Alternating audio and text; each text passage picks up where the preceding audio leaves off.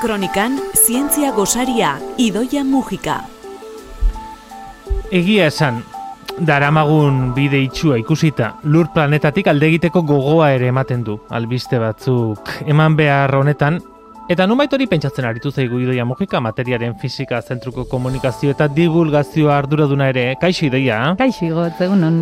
Egia esan beste edozein lekutara joan da ere, ondo pentsatuta, arazoa elitzateke planeta izango gugeu gizakiok eh, baizik, baina lur planetatik kanpo biziote gintezke. Espazio bizigarri bat eratu ote genezake. Aitzakia polita da idoia, Duela urte bete justu amai arregirekin aipatu genuen bai esfertxu edo biosfera bi esperimentua gogoratzeko, eh? Bai, hortik anabiatu naiz ni, ze martxoaren seian, gaurko egun batez, mila bederatziron dela eta malagoarren urtean, azkeneko aldiz sartu ziren, ba, hor sortu zuten biosfera horretan. Gogoratu ezagun, Arizonako basamortuaren erdian egin zuten, bueno, kupula izugarri erraldoi bat, ez da? historia, ez da? Bai, bai, bai, bai, bai. Berreskuratu nuen gaina maia kontatutakoa mm. eta zuri gelditu nintzen ze historia izugarria da. Amabi mila metro karratuko azalera hartu zuten hor Arizonan. Amabi mila metro karratuko azalera bat? Bai, handia, txokoa, eta ba, oso gezan bezala, oso eraikin berezia zan, kupula antzeko batzuk, dana kristalez bete, eta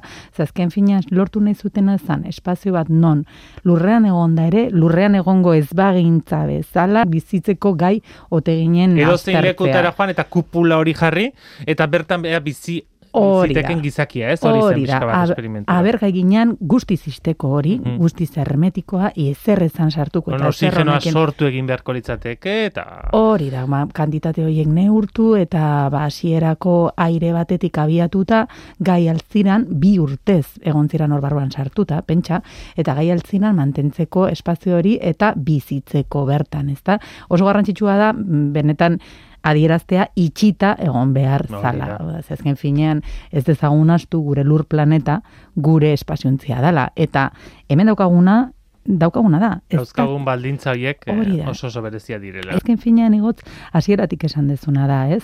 Beharrezkoa izango te du noiz bait beste nun bait bizi eta beste nun bait esaten detenean ari gera izaten, ba, beste planeta batera jo, beste leku batera jo, lurra bertan bera utzi ezagutzen dagoen bezala, eta gai izan hor garatzeko bizitza bat, ez da?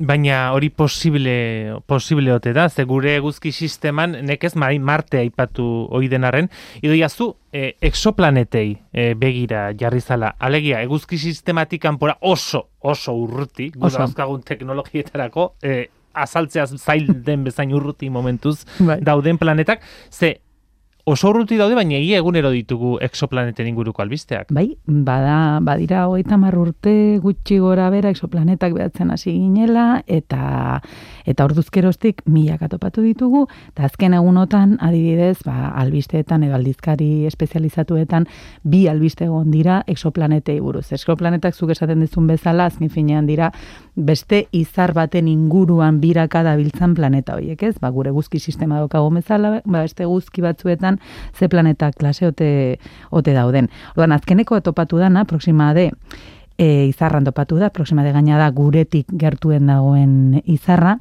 eta han exoplaneta berri bat aurkitu dute. Bere izarretik eguzkitik oso gertu dago.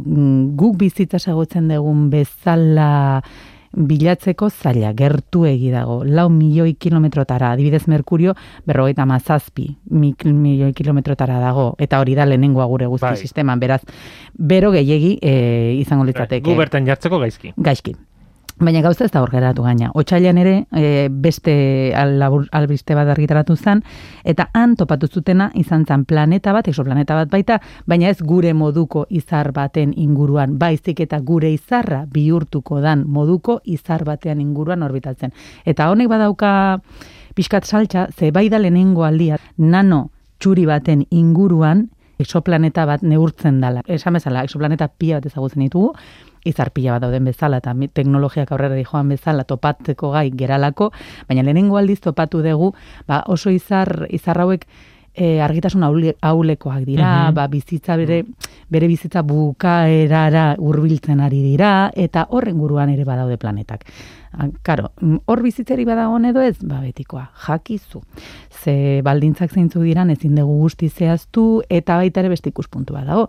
Gu beti imaginatzen dugu bizitza guk ezagutzen dugun moduan.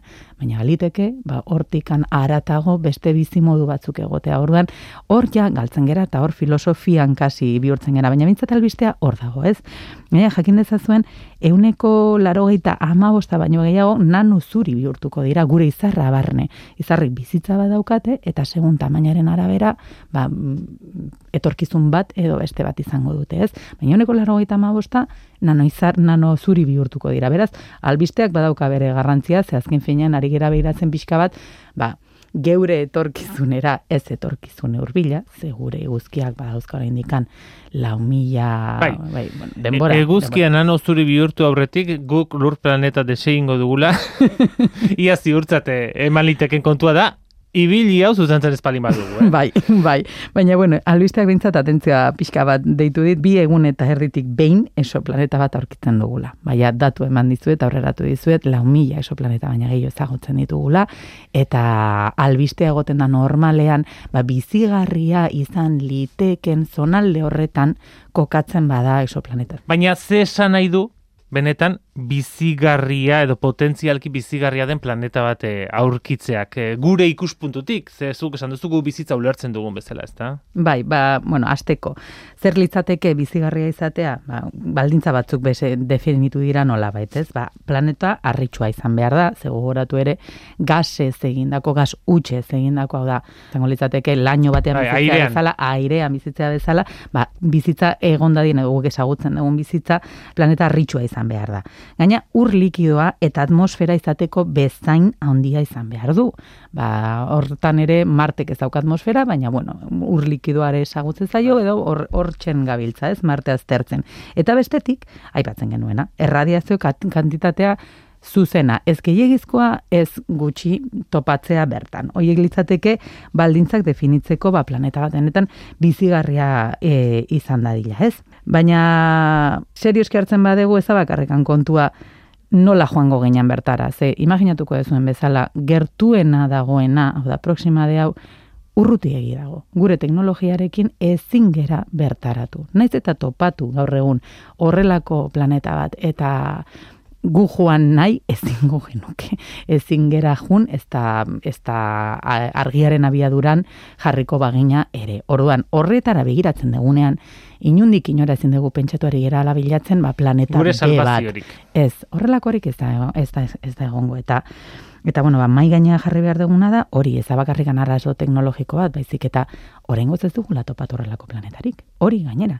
Orduan ez dezagun begira kanpora, ba, zein izango dan gure salvazioa, zein izango dan gure arazoi, ba, benetan kanpoan topatu gal izango genuken, ze gaur egun ez zingo genuke. Ez teknologikoki ez da ez dugulako topatu. Lur planeta gaine ezaugarri berezia ditu, giza bizitza bertan eman dadin, ba ez dugula topatu. Eta hasierara itzulita, esango luke bakar batek, bueno, baleko arritxu batean kupula bat jarrita egin genezake. Bueno, Arizonako esperimentu horretan gauza interesgarri asko atera ziren, baina duela urte beteko entzun zuen arke badaki, era bat ondo ere e, etzela atera, azkenean kanpoko laguntza behar izan zuten, oxigenoa sartzeko, eta bere haien artean, eta hori horrekin amaitu genezak ez da. Bai. Gizakio garela gure etxaiik handienak eta bai. beraien artean sekulako saltsak izan zituzten. Bai, eta gogoratu dezagun azkenean, bueno, emintzat, eh, irakurtzen badezu pixka bat astronomo guzti hauek esaten dutena edo exoplanetei begira daudenak, aukera polita dela beraiek egindako ikerketak gogoratzeko berriz ere.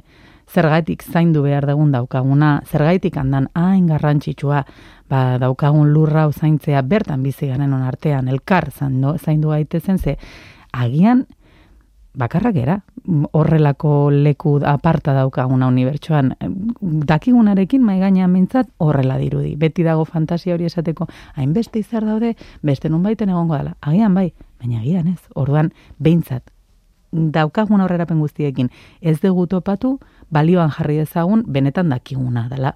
Lurra daukagula, bakarra dela, eta elkar bizi gerala, alik eta oberen. Ez da mezu txarra, garaiotan e, gaurko tartea amaitzeko, Idoia Mujika, eskerrik asko, asko izategatik, datorren astean gehiago, eta gogoratuko dugu eite podcasten, saio eta beste guztiak eskuragai dituzuela, eta gure sare sozialetan zabalduko dugu, amaia arregirekin, Arizonako basamortuan egin zuten esperimentu horretaz, duela urtebete egin genuen eh, saioa ere inoik berriz entzun nahi badu. Datorren astera arte idoia. Agure gotz, eskerrik asko.